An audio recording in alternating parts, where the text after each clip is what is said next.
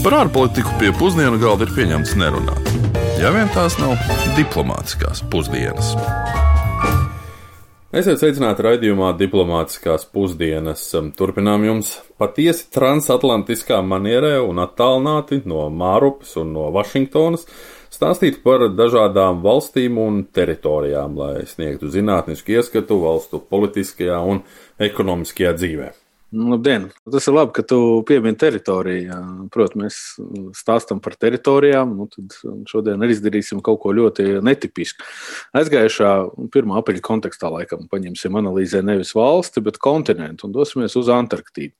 Nu, iespējams, ka es nedaudz aizrāvos pēdējā laikā ar Sēra Davida Attenborough veidotajām filmām par dabu. Karantīnas blakne. Šī ir pozitīvā karantīnas blakne. Jā.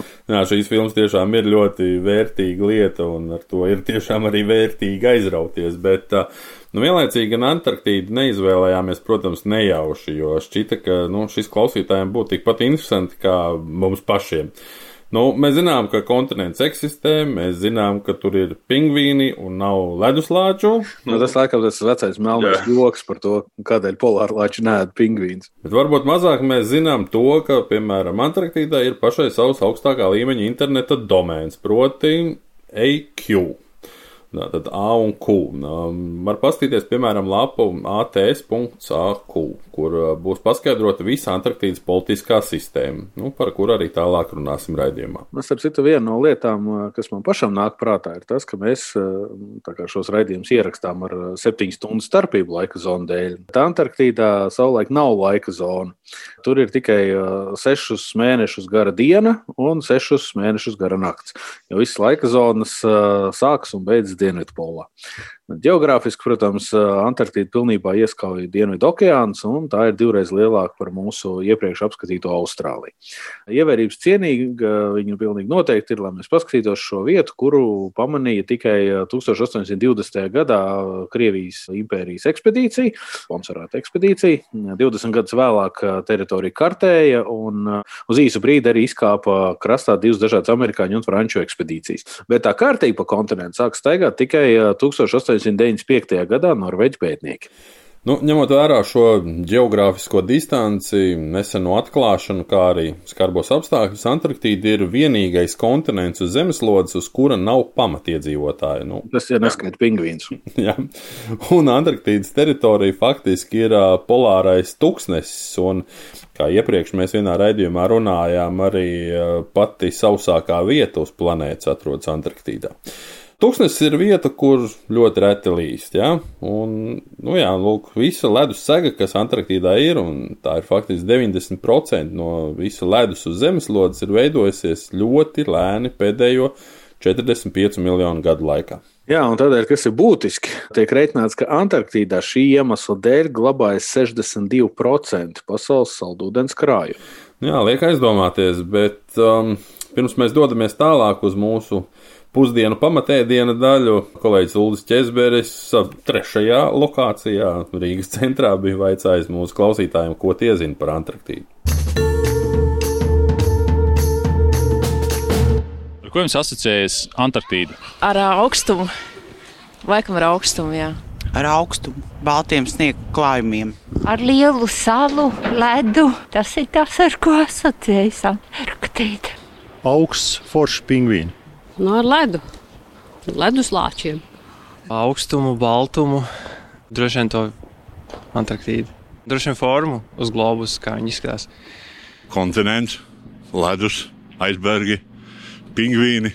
Pirmais, pirmais, protams, kas nāk prātā, ir ledāji. Ledāji un augstums un pingvīni. Ar uh, sniegu, augstumu, polārlāčiem. Nezinu, ko vēl ledājiem. Un kā jau minējām, Antarktīdā neviens pastāvīgi nedzīvo. To apdzīvo zinātnieki un pētnieki. Daži cauri gadu, daži tikai vasaras laikā, bet uh, kopējā visu stāciju kapacitāte sasniedzot no nu, aptuveni 5000 cilvēku. Un strādā šajās stacijās zinātnieki no vairāk nekā 40 valstīm. Un tieši pēc otrā pasaules kara kontinents piedzīvoja zinātnisko pētījumu uzplaukumu, un šobrīd arī vairāk desmit pastāvīgu vai nepastāvīgu pētniecisko nometņu Antarktīdas teritorijā ir atrodams. Viena no vecākajām. Un pati lielākā ir tieši Dienvidpolā atrodama amerikāņu stacija Amundsen Scott South Pole Station. Vasaras dienas laikā tur uzturas apmēram 150 zinātnieki, kamēr nakts, nu, ziemas laikā 3 trīs reizes mazāk. Antarktīdas pārvalde ir balstīta pamatā uz Antarktīdas līguma sistēmu, kas um, tika izstrādāta 1959. gadā un kurai šobrīd ir pievienojušās jau 54 valstis. Nu jā, nu Latvijas gan šo valstu sarakstā nav, un iespējams, ka jāsāk apsvērt domu, ka varbūt arī vajadzētu. Vismaz mums ir daži zinātnieki, kas šo jau pirms pāris gadiem ir norādījuši. Nu, vismaz valsts prestiža dēļ šis būtu apsverams jautājums, nu, ar ko mēs esam sliktāki. Starp citu, arī vasaras pētnieciskās bāzes Antarktīdā ir mūsu kaimiņu valsti Baltkrievijai un arī mūsu partneru valsti Eiropas Savienībā Bulgārijai. Nu, varbūt arī latviešiem tomēr būtu jādodas tālāk, un nav jau tā, ka mēs sniegu nepazītu.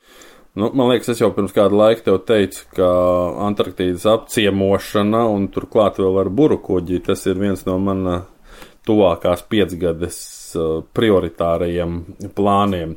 Un, bet, um, jā, par uh, Antarktīdas iekarošanu doma nebūtu nav slikta, bet gan jau mums, jā, tepat kāds infrastruktūras projekts būtu jāuzbūvē tā vietā. Bet kamēr mēs vēl par šo visu domājam, tikmēr jāatzīmē, ka mm, septiņas valstis no sākotnējām 12 Antarktīdas līguma sistēmas dalībvalstīm ir um, izteikušas teritoriālas pretenzijas uz šo kontinentu. Starp tām ir Argentīna, Austrālija, Čīle, Francija, Jaunzēlanda, Norvēģija un apvienotā karaliste. Krievija un Amerikas Savienotās valsts ir paturējušas tiesības izvirzīt teritoriālās pretenzijas, un papildus ir vēl virkne valstu, nu, jā, galvenokārt Dienvidamerikas, kuras ir sākušas izrādīt vēlmi uz šādām pretenzijām. Nu, iemesls, protams, ir ekonomiskais. Tagad, kad tehnoloģijas atļauj sasniegt arī agrāk tik attālos un neiespējamos mūsu plakanās vai kantainās zemeslodes stūrīšus, daudz gribētāji sāk parādīties. No Antarktīdas līgumu sistēma skaidri aizliedz Antarktīdas teritorijā uzturēt militārās bāzes, veikt militāros manevrus, kodolieroču izmēģinājumus, un 1991. gada Madrides protokols aizliedz arī izrakteņu iegūšanu.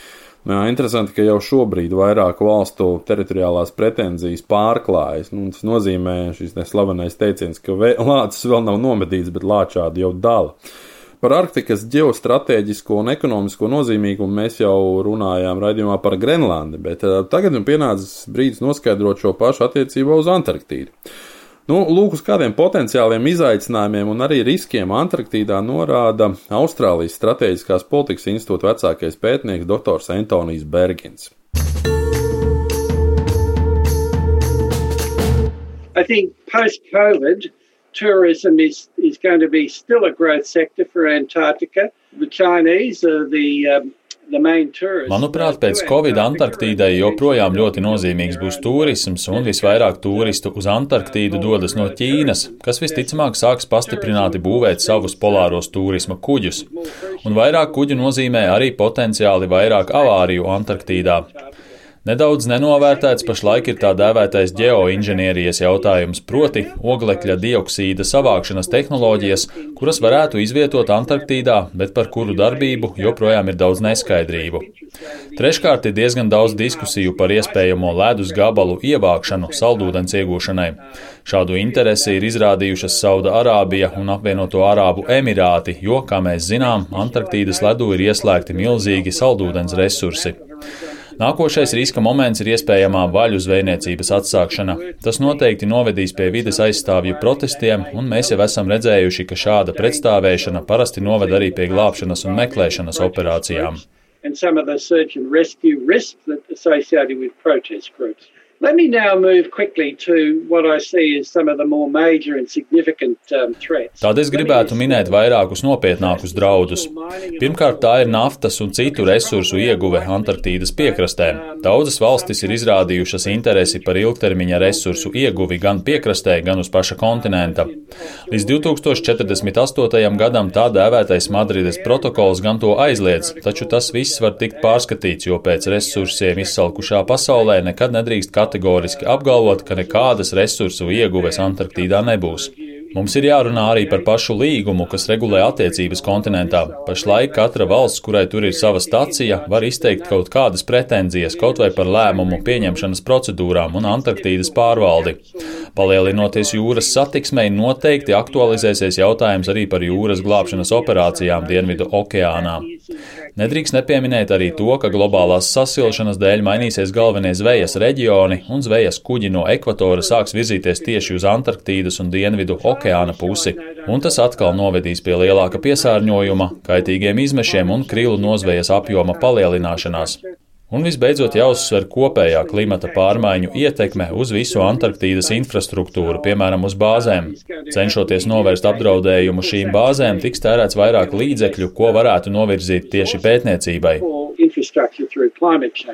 Galloping through this, uh, I'll finish on, on some of the more catastrophic Pārskrienot pāri šiem riskiem, esam nonākuši pie vislielākajiem apdraudējumiem. Viskatastrofālākais būtu nelegāla un nereģistrēta zvejniecība, kas vienā brīdī varētu atsākties. Pēdējo gadu laikā Dienvidu okeānā tā ir samazinājusies, taču ir iespējas to atsākt. Mēs jau zinām, ka klimata pārmaiņu dēļ Antarktīdas austrumu un rietumu ledus klājums sāk brukt, un tam arī potenciāli var būt katastrofālas sekas uz visu kontinentu. Un visbeidzot, tā kā es strādāju Strateģisko pētījumu institūtā, ir iespējams arī militārs konflikts Antarktīdā. Es gan domāju, ka šāda iespēja ir niecīga, jo neviena valsts faktiski nav runājusi par investīcijām Antarktīdas kaujas spējās. Taču mēs varam runāt par militarizāciju arī zinātnē, jo ir daudz dažādu mūsdienu tehnoloģiju, par kurām ir grūti pateikt, kam tieši tās tiek izmantotas.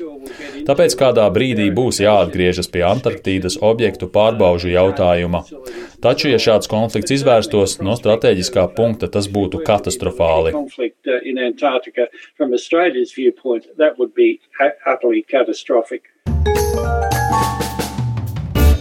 Visbeidzot, būtu jāapskata vēl viena visām valstīm tipiska, bet Antarktīdai diezgan varbūt netipiska lieta - ekonomika.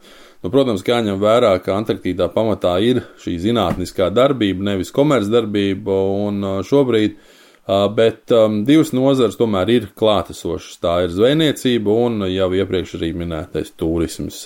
Starp citu, divi amerikāņu vēl Fargo bankas bankomāti gan esot atrodami Antarktīdā. Jā, tikai, protams, to visu organizē nevis uzņemošā valsts Antarktīda pati, bet gan valsts, no kurām kuģi, lidmašīnas un helikopteri izlido. Savukārt nozveju regulē starptautiskie līgumi, tostarp par jūras iemītnieku aizsardzību un turismu arī Turistu, sevišķi kruīzu kuģu straujais pieaugums pēdējos gados ir līdz nu, nopietni sarosīties centieniem šo visu sākt tomēr regulēt, jo Nu, piemēram, vēl 2017. un 2018. gada vasarā Antarktīdu esot apmeklējuši vairāk nekā 50 tūkstoši turistu. Nu, daļa no viņiem ir ceļojusi līdz pat Dienvidpolam, un šeit jau ir runa ne tikai par kuģiem, nevis par komerclidojumiem. Nu, par lidošanu uz Antarktīdu runājot, um, kontinentā ir 17 lidostas un 53 helikopteru nolaišanās laukumi. Un mobilē telefoni arī esot pieejami Antarktīdas pastāvīgiem un mazāk pastāvīgiem iedzīvotājiem. Un internetam ir simtprocentīgs pārklājums visiem 4400 pāris gadus atpakaļ aprēķinātajiem lietotājiem. Jā, rezumējot, ja tā aizdomājas, tad sāk pašķist, ka Antarktīda ar tās ledu, sniegu, tukšumu un zinātniekiem un pingvīniem ir pat tehnoloģiski tuvāk un attīstītāk nekā daudzas, jo daudzas siltās zemēs atrodamās valstis. Tostarp tās, kuras mēs esam apskatījuši arī mūsu iepriekšējos raidījumos. Lai cik būtu paēdis, vienmēr ir vieta arī desertam. Jā, pēc um, tik interesanta pamatēdiena, um, ko gan mēs varētu tā kā desertā ņemt?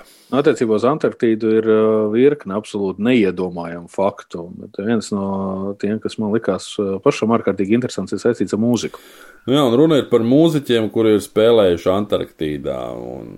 Par, lai cik liktos, ka tam vajadzētu būt kaut kam mierīgam, klusam un tādam tiešām uz lieliem plašuma līganam, jā, tad mēs tomēr par pasaulē populāro un arī Baltijā vairāk kārt bijušo leģendāro metāliku parunāsim. Tieši tā. Un par leģendām runājot, šī siltās Losandželos smagā metāla grupa Metallica ir uzstādījusi Guinnessa rekordu kā pirmā grupa, kas ir spēlējusi koncerts visos septiņos kontinentos. Nu, tā gan laikam uzreiz būtu jāprecizē, ka faktiski visos astoņos, un mēs jau runājām iepriekš Zēlandī 2013. gadā, kad šis koncerts notika, vēl nebija ieskaitīts kā atsevišķs kontinents, bet koncerts tās sauszemes daļā Jaunzēlandē notika gan. Tādējādi Metālika uzstādīja rekordu ne tikai kā grupa, kas spēlējusi visos kontinentos, bet arī izdarījusi to viena gada laikā. Tā bija World Magnetic Tour. Bet par pašu uh, Freeze the Mall stundu garo koncertu runājot, um, tas tika nospēlēts 2013. gada 8. decembrī 120 klausītājiem, nu, kur starpā bija zinātnieki un fana konkursu uzvarētāji un pingvīni. Nu, tā arī paši grupas dalībnieki izteicās par pingvīniem.